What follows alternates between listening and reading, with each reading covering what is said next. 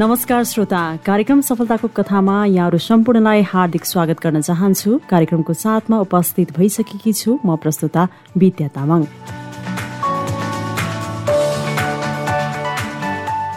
कार्यक्रम सफलताको कथामा हामी विभिन्न क्षेत्रमा निरन्तर आफ्नो लगनशीलता धैर्यता र परिश्रमलाई आत्मसात गर्दै आफ्नो पेसामा अनवरत रूपमा लागिरहनु भएका व्यक्तित्वहरूसँग कुराकानी गर्छौं। यो कार्यक्रम तपाईँले रेडियो क्यान्डिड बयानब्बे दशमलव सात मेगा हर्जमा हाम्रो website W W W dot radio candid dot कममा हाम्रो आधिकारिक फेसबुक पेजमा रेडियो क्यानेटको एप्स डाउनलोड गरेर र पोडकास्टमा समेत सुन्न सक्नुहुन्छ।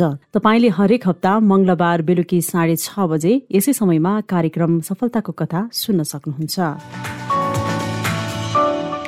आजको कार्यक्रममा हामीसँग हुनुहुन्छ शास्त्रीय नृत्याङ्गना सीता सुवेदी जो चितवनको मेघोलीमा जन्मेर जीवनमा धेरै उतार चढावका बावजुद पनि आफ्नो नृत्यप्रतिको रुचिलाई कायमे राखेर आज देश विदेशमा समेत परिचित रहनु भएको छ। बाह्र वर्षको उमेरमा क्यान्सरबाट एउटा खुट्टा गुमाउनु पर्यो। केही समय त अब केही गर्न सक्दिन भन्ने लाग्यो तर जीवनका भोगाइका क्रममा धेरै सम्भावना भएको पनि उहाँले देख्नुभयो। सानैदेखि नृत्यमा रुचि राख्नुहुन्थ्यो जसका कारण शारीरिक अवस्था कमजोर भए पनि उहाँले आफ्नो नृत्यप्रतिको रुचिलाई भने निरन्तर राखिरहनु भयो आफ्नो मेहनत परिश्रम र धैर्यतालाई आत्मसात गर्दै आज सबैको माझ एउटा प्रेरणादायी व्यक्तिको रूपमा पनि चित परिचित हुनुहुन्छ जसले समाजमा एक उदाहरणीय व्यक्तित्वको रूपमा हामी सबैलाई प्रेरणा दिइरहनु भएको छ। जसका कारण आज नेपालमा मात्र नभई विदेशमा पनि उहाँलाई एउटा सफल शास्त्रीय नृत्याङ्गना भनेर सबैले चिन्नुहुन्छ।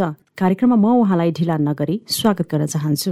कार्यक्रममा यहाँलाई स्वागत छ। हस् धन्यवाद। अचेल केमा व्यस्त हुनुहुन्छ यहाँ? अहिले अब पढाइ पनि चलिरहेछ होइन? पढाइको साथसाथमा अब यही कला क्षेत्रमा आबद्ध भएको भएर यसले आफूलाई निखार्ने क्रम पनि छ कार्यक्रमहरू पनि एटेन्ड गरिरहेको छु त्यस्तै नै चलिरहेछ भनौँ न। आज एउटा फरक क्षमता भएर पनि देश विदेशमा चिनिरहनु भएको छ।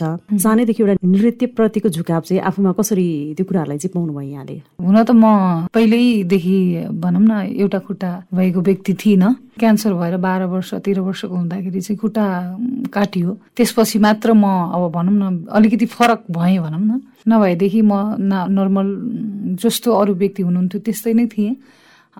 तर पनि त्योभन्दा अगाडि नै पनि भजनहरू गाउने नाच्ने त्यस्तो हुन्छ नि त अब बच्चा बच्चा बेलामा त्यस्तो त्यो त्यो प्रति चाहिँ धेरै इन्ट्रेस्ट थियो कि? अनि नाच्नलाई अघि सर्ने पहिला पहिला चाहिँ युवा क्लबहरू भनेर एकदम धेरै चर्चित थियो प्रोग्रामहरू गर्ने। सांस्कृतिक कार्यक्रमहरू गर्ने वरिपरिको गाउँहरू सबैलाई समेटेर त्यस्तो खालको प्रोग्रामहरू हुँदाखेरि त्यो हेरेर म पनि त्यही स्टेजमा म पनि कसरी नाच्ने होला भनेर त्यो खालको एउटा सपना बुनिरहेको हुन्थेँ। म हेर्न लुकी लुकी भागी भागी जान्थेँ। नर्मली म एउटा ब्राह्मण फ्यामिलीबाट भएको कारणले गर्दाखेरि अनि बुवाले चाहिँ होइन के भन्छ अरे हाम हामीले त पढ्नुपर्छ होइन। के भन्छ अरे गुरुङ मगरहरूले आफ्नो संस्कृति बचाउनलाई नाच्ने हो भनेर भन्नुहुन्थ्यो कि? त्यस्तो कुराले पनि अहिले मलाई घोचिरहेको हुन्छ कि बेला बेलामा होइन? सबको आफ्नो आफ्नो खालको कल्चर त हामी आफ्नो आफ्नो छ नि त। अनि त्यो चिजले तानिरहेको हुन्थ्यो कि मलाई? त्यो कारणले त्यो बच्चा बेलाको त्यो माहौलले पनि होला मलाई। भनौँ न यो कल्चरपट्टि यो डान्सपट्टि कलाकारिता क्षेत्रपट्टि तान्नलाई चाहिँ चाहिँ एकदम महत्त्वपूर्ण भूमिका खेलेको भन्छु कि म चाहिँ। त्योभन्दा बाह्र वर्षभन्दा अगाडि त त्यस्तो त्यो इन्सिडेन्ट हुँदाखेरि चाहिँ कहिलेकाहीँ आफूलाई चाहिँ अब मैले केही गर्न सक्दिनँ हो कि भनेर कहिलेकाहीँ त्यस्तो कुराहरूमा डिप्रेसन जस्तो महसुस गर्नुभएको किन नहुने? तपाईँको नर्मली होइन यस्तो के अब जस्तो कि मलाई नाच्ने प्रतिको एकदमै धेरै प्यासन थियो होइन? कति समय त मैले लुकाएर नै राखेँ मैले देखाउन सकिनँ होइन? मैले चाहिँ स्कुलहरूमा चाहिँ अतिरिक्त क्रियाकलाप हुन्छ नि। शुक्रबारको प्रोग्रामहरू यसोहरू हुँदाखेरि चाहिँ कहिले पनि छुटाउँदैन थिएँ। गाउने लियो भने गाउने गाउने पाएन भने नृत्य गर्ने केही न केहीमा भाग लिइरहेको हुन्थेँ कि त कविता भन्ने यस्तोहरू के। एउटा न एउटामा चाहिँ भाग लिइरहेको हुन्थेँ। अनि जब खुट्टा काटियो भनौँ न अब परिस्थितिले गर्दा होइन क्यान्सर भयो। मलाई चाहिँ कस्तो भने अब नाच्न पाइन्न यहाँभन्दा अगाडि। यहाँभन्दा अगाडि जान पाइन्न यहाँभन्दा अगाडि बाँचिन्छ बाँचिँदैन। के ठेगान छैन नि त होइन? अब चाहिँ यो जिन्दगीको अन्तिम क्षण हो मैले नाच्ने भनेर त्यो खुट्टा काट्ने भन्दा अगाडि खुट्टा काट्न अपरेसनमा जानेभन्दा अगाडि चाहिँ नन स्टप मैले नाचेर त्यति बेला चाहिँ मध्य नेपालको सबैभन्दा लोकप्रिय रेडियो कालिका एफएम। त्यो चाहिँ परीक्षण प्रसारणमा थियो कि? अनि चौबिसै घन्टा गीत बस्थ्यो अनि त्यो बिहान चाहिँ त्यो गीतमा हुन्छ नि बिहान चाहिँ राष्ट्रिय गीतहरू बजेको थियो। त्यो राष्ट्रिय गीतमा ननस्टप नाचेर म अब चाहिँ मेरो यही हो अब यहाँभन्दा अगाडि म नाच्न पाउँदिनँ कि। म बाँचेँ भने पनि म एउटा खुट्टाले कसरी नाच्ने भन्ने त्यो त्यो खालको मनस्थिति विकास भइसकेको थिएन नि त। नाच्नु पाउँदिनँ नै भनेर मैले त्यो अन्तिम क्षणको लागि म नाचेर चाहिँ त्यसरी गएको थिएँ।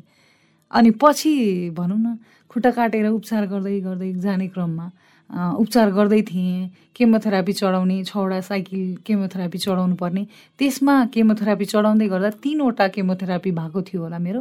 हाम्रो पारिजातको बहिनी सुकन्या वाइबा उहाँसँग भेट भयो। उहाँको हस्बेन्डलाई चाहिँ यो घाँटीको क्यान्सर भएर चाहिँ त्यहीँ उपचार गराउँदै हुनुहुन्थ्यो। त्यहीँ भेट भयो उहाँसँग। उहाँले फेरि त्यो नाच्न अब मरेको फेरि मेरो नाच्न अब पाइँदैन भनेर मरेको जुन आशालाई। आशालाई फेरि अङ्कुरण गराइदिनु भयो क्या उहाँले। इन्डियामा त एउटा खुट्टाले नाच्नु हुने हिरोइन नै हुनुहुन्छ। उहाँको बारेमा फिल्म नै बनेको छ। फिल्म हेर। होइन नाच मयुरी भन्ने फिल्मको नाम हो। उहाँको नाम सुदाम चन्द्रन हो भनेर सबै भनिदिनु भयो उहाँले। फेरि मलाई नाच्नको लागि चाहिँ उत्प्रेरणा जगाउनु भएको चाहिँ उहाँले हो मलाई। फर्स्ट टाइम भनौँ न खुट्टा काटिसके पछाडि चाहिँ। अनि त्यो चिजलाई चाहिँ मैले नाच्न पाइन्छ भन्ने चाहिँ भयो। होइन? अनि त्यस पछाडि मैले चाहिँ जिन्दगीमा चाहिँ खुट्टा अब खुट्टा लगाएर म दुइटा खुट्टाले ठाउँमा उभिएर चाहिँ म हिँड्न पाउँछु भन्ने चाहिँ थाहा पाएर मैले खुट्टा काटेको थिइनँ। म अब योभन्दा अगाडिको जिन्दगी चाहिँ बैशाखीमै मैले जिन्दगी बिताउनुपर्छ भनेर त्यो चिजलाई एक्सेप्ट गरेर नै खुट्टा काटेको थिएँ कि। उहाँलाई भेटिसके पछाडि खुट्टा पनि लाउनु पाइन्छ हिँड्न मिल्छ फेरि भन्ने कुराको पनि थाहा भयो कि। त्यस पछाडि। अनि छुट्टै किसिमको आशा पलाउँदै गयो जिन्दगीप्रति होइन? नभए खुट्टा काटेको बेलामा त म लगभग ब्ल्याङ्क नै थिएँ। केही समय त नर्मली खुट्टा काटिसके पछाडि तुरुन्तै डिप्रेसन भन्दा पनि केमोथेरापी दिइसके पछाडि केमोथेरापीको कमजोरीले गर्दा शरीरको नसा नसा हुन्छ नि शरीरको रक्त केसिकादेखि लिएर एभ्रिथिङले काम गर्न नसक्दाखेरिको जुन कमजोरीपनालाई झेल्न नसकेर डिप्रेसनमा गएर म डिप्रेसनमा छु भनेर थाहा नपाउने क्षण पनि थियो कि? तर त्यसलाई चाहिँ बिस्तारै बिस्तारै बिस्तारै आफैले हिल गर्दै गएँ। मलाई चाहिँ त्यति बेला चाहिँ डिप्रेसन भएको रहेछ। डिप्रेसनको काउन्सिलिङ पनि हुन्छ भन्ने पनि थाहा नभएको हामीलाई कि? अनि त्यो पछि मैले अहिले चाहिँ एनालाइसिस गर्दै जाँदाखेरि मैले चाहिँ म खासमा डिप्रेसनको ऊबाट पनि गुज्रेको रहेछु भन्ने कुरा चाहिँ अहिले महसुस गर्छु मैले। अब कि त बाँच्नुपर्छ होइन? कि त मर्नुपर्छ भन्ने अप्सन थियो कि? हजुर। खुट्टा काटिएन भने मरिन्छ। खुट्टा काटियो भने बाँच्न पनि सकिन्छ भन्ने अप्सन थियो कि? अनि बाँच्न पनि सकिन्छ भन्नेमा बाँच्न सकिन्छ त्यो पनिलाई पनि हटाउनु पर्ने स्थिति हो नि त होइन? अनि त्यसलाई चाहिँ मैले आफूले यति पोजिटिभ बनाउँदै गएँ कि बाँच्नुपर्छ। मैले जसरी पनि बाँच्नुपर्छ भन्ने भयो। अनि बिचमा केमोथेरापी चढाउँदै गएपछि यति कमजोर भइँदो रहेछ कि म आफूलाई म मर्दैछु भन्ने पनि थाहा नहुने रहेछ कि। तपाईँको त्यति कमजोर हुँदो रहेछ कि शरीर। रक्त केसिकाले रक्त उत्पादन गर्नै छोड्ने कि। त्यो त्यति कमजोर बनाउने गरी चाहिँ केमोथेरापी चढाउनु पर्ने शरीरलाई। अनि चारचोटिसम्म चाहिँ डक्टरले चाहिँ म चाहिँ तपाईँको मलाई नै त भन्नु भएन मेरो आमासँग भन्नुभएको रहेछ। अनि मसँग बस्दा बस्दा त्यो पीडा सहँदा सहँदा त्यो पीडालाई चाहिँ केही पनि फरक नपर्ने भइसकेर आमाले पनि मलाई त त मर्चेस अरे हो भनेर भन्नुहुन्थ्यो कि आएर। अनि मलाई त्यो भनिरहँदा नि मलाई हाँस उठ्थ्यो कि। के भने होला डक्टरले होइन? जब कि म आफै उपचार गरिरहेको मान्छे मलाई नै मर्छु जस्तो फिल भएको छैन। म आफैलाई कमजोर फिल भएको छैन भनेदेखि कसरी म मर्छु भनेर भन्थेँ क्या म आमालाई। एउटा कुरा के रहेछ भने हामीले एउटा के पनि बुझ्नु पऱ्यो भन्दाखेरि जब मैले हजुरको कुरा सुने हाम्रो एउटा पोजिटिभिटी भन्ने हुन्छ नि जुन एउटा सकारात्मक सोचका साथ हाम्रो एउटा जुन एउटा मानसिक तवरले पनि हामी प्रिपेयर हुन सक्यौँ भने होइन रोगसँग पनि हामी लड्न सक्छौँ। हो एकदम एकदम। कति चिजहरू जस्तो कि कुनै पनि चिज भनौँ न हामीले आफ्नै शरीरमा साइकोलोजीको कारणले गर्दाखेरि विष उत्पादन हुन्छ भन्ने त हामीले सुनेकै छौँ नि त होइन? त्यो हिसाबले पनि म बाँच्छु बाँच्छु बाँच्छु भनेर हिँड्ने मान्छे बाँच्छ कि अवश्य पनि होइन? म मरिहाल्छु कि म खतम भएँ कि भनेर सोच्यो भने चाहिँ खतमै हुन्छ नि त त्यो बिस्तारै खतम हुँदै जान्छ। त्यही भएर कसरी हुन्छ जिन्दगीलाई सुन्दर बनाउन सकारात्मक हुनै पर्छ। अब जुन अस्पतालमा बसाइको क्रम थियो यो चाहिँ कतिसम्म जारी रह्यो? लगभग दुई वर्ष चाहिँ यो औषधि गर्ने क्रम नै चलिरह्यो होइन। तर त्यसको बिचबिचमा भनौँ न औषधि जुन केमोथेरापी चढाउने जुन पिरियड सक्यो त्यसको बिचबिचमा साइड इफेक्ट भएर हुन त एक्काइस एक्काइस दिनमा चढाइन्छ। तर एक्काइस एक्काइस दिनमा कहिले पनि चढाउनु पाइएन। त्यसको साइड इफेक्ट निस्केर मुखमा घाउहरू निस्केर शरीरभरि बिबिरा निस्केर त्यसलाई फेरि एन्टिबायोटिक दिएर केमोथेरापी भन्दा महँगो पर्थ्यो कि फेरि अर्को एन्टिबायोटिक लगाउने। अनि त्यस पछाडि त्यसले गर्दाखेरि लगभग त्यो तिन महिनादेखि छ महिनाभित्रमा सकिने केमोथेरापी पनि मलाई दुई वर्ष लागेको थियो त्यो चढाउनलाई त्यति बेला होइन? अनि लगभग पछि त्यसको पछाडि पनि चेकअप गरिरहनु पर्थ्यो। लगभग पाँच वर्ष जति त मैले चेकअप गराइरहेँ। त्यसपछि केही नै नदेखेपछि अहिले भनेको चाहिँ अब केही भइहाल्यो भने गइन्छ अनि अब आवश्यकतै महसुस गरियो भने ल गर्नुपर्छ है भनेर सर्टेन टाइम पिरियडमा चाहिँ गराउने गरेको छ। तर भगवान्को कृपा होइन क्यान्सर भयो भनेर देखिएर उपचार गरेर आज म बाँचेको पनि बाइस वर्ष भयो होइन। त्यही नै मान्नुपर्छ एकदम सकारात्मक हुनुपर्छ भन्छु म चाहिँ। हजुर। मैले यहीसँग हजुरको एउटा नृत्य पेसालाई पनि जोड्न चाहेँ। जुन अहिलेको रूपमा राष्ट्रिय स्तरमा चाहिँ चिनिरहनु भएको छ होइन? यो कसरी यो अवसरहरू जुट्यो हजुरलाई? मैले चाहिँ खासमा मैले भने नि अब बच्चैदेखि मलाई नृत्य गर्ने चाहिँ आशा थियो। तर म चाहिँ बच्चैदेखि खै कस्तो खालको है अब भगवान्ले नै त्यस्तो खालको गाइड गरेको भएर हो कि के हो होइन? तर मलाई नृत्य नै गरे पनि त्यो चाहिँ पढ्नु नै पर्छ भन्ने थियो कि बच्चैदेखि? यो पढ्न कहाँ पाइन्छ होला भनेर सोध्थेँ कि मलाई पढ्ने ठाउँमा हालिदिनु न आमा भन्थेँ क्या म चाहिँ। डान्सै पनि कि। अनि मैले एसएलसी दिए पछाडि मैले एसएलसीमा राम्रो नम्बर ल्याएको भएर मैले चाहिँ स्कलरसिप पाएको थिएँ स्टाफ नर्स पढ्नको लागि। अनि मलाई मैले चाहिँ कस्तो अपेक्षा गरेँ भने त्यो स्टाफ नर्स पढ्ने पैसा जो हुन्छ नि त्यो पैसा चाहिँ मलाई म्युजिक र डान्स पढाउनलाई हालिदिनु न भनेर भनेको थिएँ कि मलाई। अनि त्यो त खास स्वास्थ्य क्षेत्रको लागि भनेर आएको बजेट थियो नि त। अनि त्यो यतापट्टि हाल्नु मिलेन। अनि मेरो लागि जुन आएको थियो मलाई चुज गर्नुभएको थियो। अनि मैले पढिनँ नि त त्यो होइन? नपढिसके पछाडि अर्कोलाई दिनुभयो उहाँले पढ्नुभयो राम्रो गर्नुभयो। उहाँले सर्भिस गरिरहनु भएको छ भने अहिले होइन त्यहाँ त्यो ठाउँमा। म अहिले त्यो स्कलरसिपलाई चाहिँ लोभै गरिनँ कि। मैले बरु उहाँलाई कन्भिन्स गराउन खोजेँ कि म कला क्षेत्रमा लाग्न चाहन्छु भनेर। तर अहिले पनि उहाँ जोसँग मैले कुरा गरेको थिएँ उहाँले भन्नुहुन्छ कि तिम्रो यति धेरै चाहिँ कला क्षेत्रप्रति यस्तो आस्था छ भन्ने जानेको भए सायद म मोडिन सक्थेँ होला। स्टाफ नर्स पढ्यौ भने तिमीले एक्ज्याक्टली पढिसके पछाडि जागिर खान्छौ र तिम तिम्रो जिन्दगीलाई सुधार्छौ भन्ने पक्का पक्की थियो। भनेदेखि तिमी कला क्षेत्रमा लागेर यहाँबाट जागिर खाएर तिम्रो जिन्दगी चलाउँछौ भन्ने त फिक्स छैन नि त। त्यो कारणले हामीलाई चाहिँ हामीले चाहिँ तिमीलाई लगानी नगरेको भन्नुभयो कि मलाई? अनि अहिले फिल हुन्छ कि उहाँहरूलाई? के अरे तिमीले यसरी क्यारी गर्छौ भन्ने थाहा पाएको भए त हामीले त्यति बेला नै गर्थ्यौँ होला। अहिले चाहिँ गिल्टी फिल हुन्छ भन्नुहुन्छ कि? हजुर। भनेपछि आफूमा चाहिँ एउटा बाल्य अवस्थादेखि नै नृत्यप्रतिको जुन एउटा मोह एउटा लगाव थियो त्यो चाहिँ आजको दिनसम्म पनि कायमै छ सायद जीवन्त पनि रहन्छ रहन्छ एकदम। अब यो यस्तो हो कि कला क्षेत्र कलाकारिता भनेको चाहिँ त्यो एकछिन सिक्यो सकिन्छ भन्ने होइन। यो त सिकेर कहिल्यै पनि सकिँदैन। छेड छेडमा प्रत्येक क्षणमा फरक तरिकाले प्रस्तुत हुनुपर्ने हुन्छ। प्रत्येक क्षण एकदम सृजनात्मक हुनुपर्ने हुन्छ नि। त्यही भएर यो चाहिँ सिकेर कहिल्यै सकिने चिज होइन। प्रत्येक पल सिकि नै रहन्छौँ भन्छु म चाहिँ। यसरी अब नृत्य गर्ने क्रममा अब तालिमहरू लिने क्रममा अब आफ्नो पढाइलाई पनि एउटा नृत्य बेस नै बनाउँदाखेरि समाजले हेर्ने दृष्टिकोण अघि आउँछले भन्नु अलिकति फरक थियो। तर एउटा आफ्नो अभिभावक र एउटा साथीभाइको साथ सहयोग चाहिँ सायद त्यसले प्रेरणा मिल्यो होला यहाँलाई जीवनमा। मलाई चाहिँ यस्तो घरमै पनि नमिलेको मलाई चाहिँ। हजुर। मैले घरमा भने जति बेला होइन?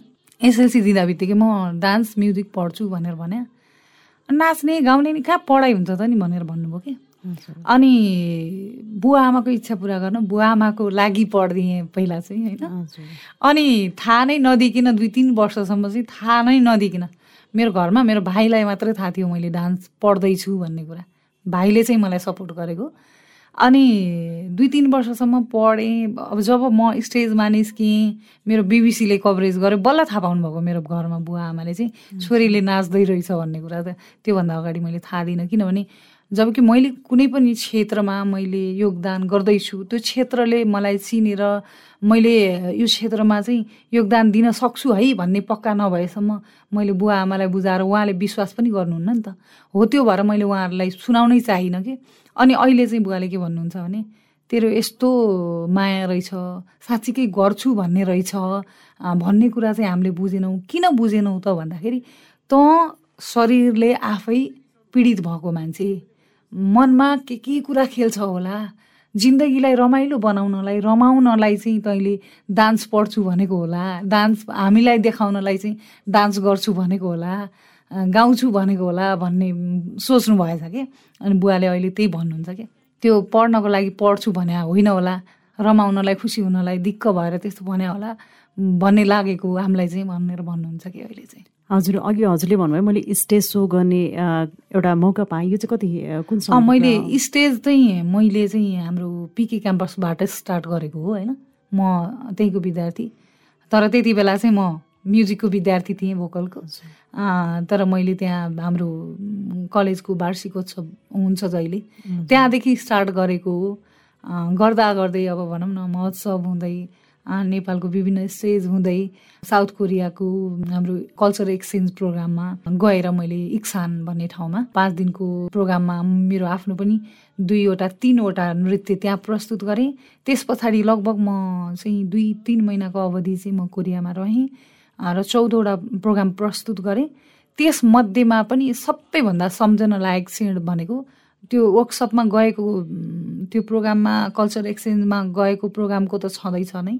त्योभन्दा बाहेक मैले पर्सनली त्यही गएर कन्ट्याक्ट वाइस अर्गनाइजेसनले नै इन्भाइटेसन गरेर चाहिँ यो international disability day two thousand नाइन्टिनमा चाहिँ इन्टरनेसनल्ली मैले पर्फर्म गर्न पाएँ त्यहाँ होइन?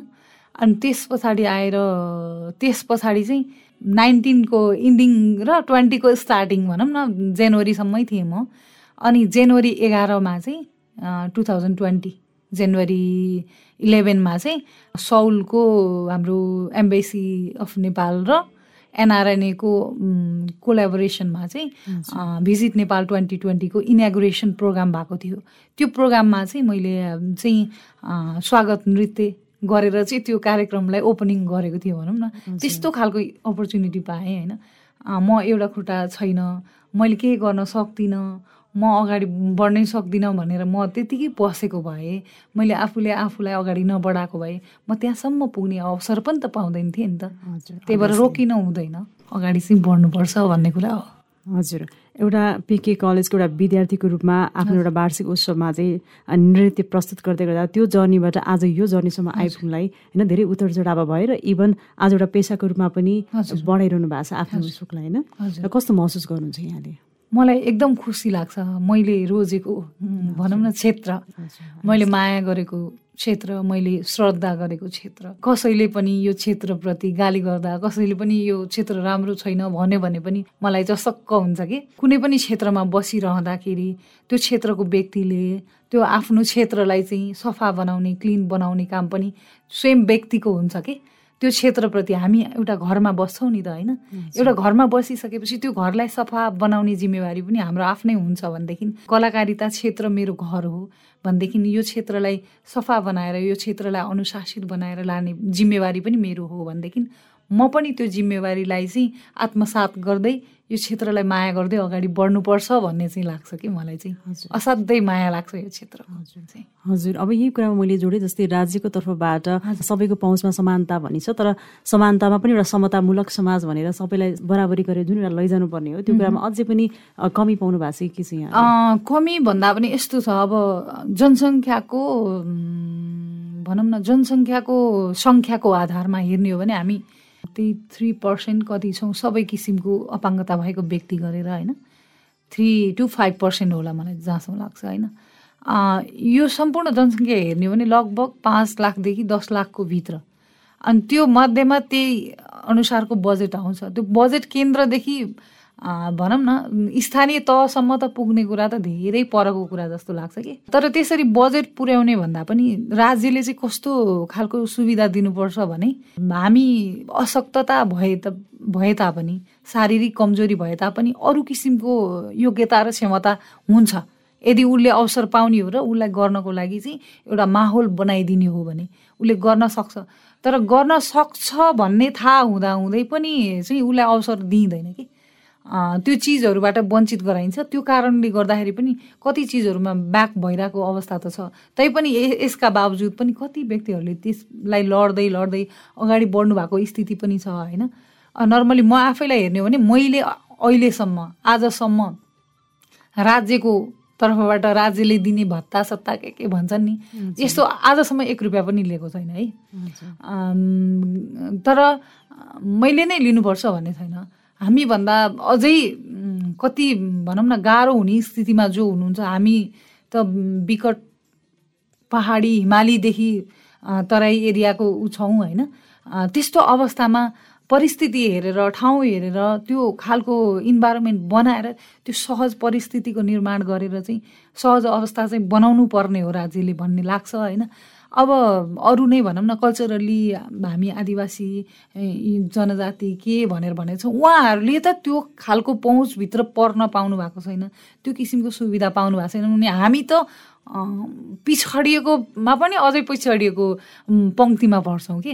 अनि त्यो हिसाबले पनि केन्द्रमा रहेको दुई चारजनाको लागि चाहिँ भनौँ न सरकारको बजेट पहुँच चाहिँ छ होला म मान्छु होइन?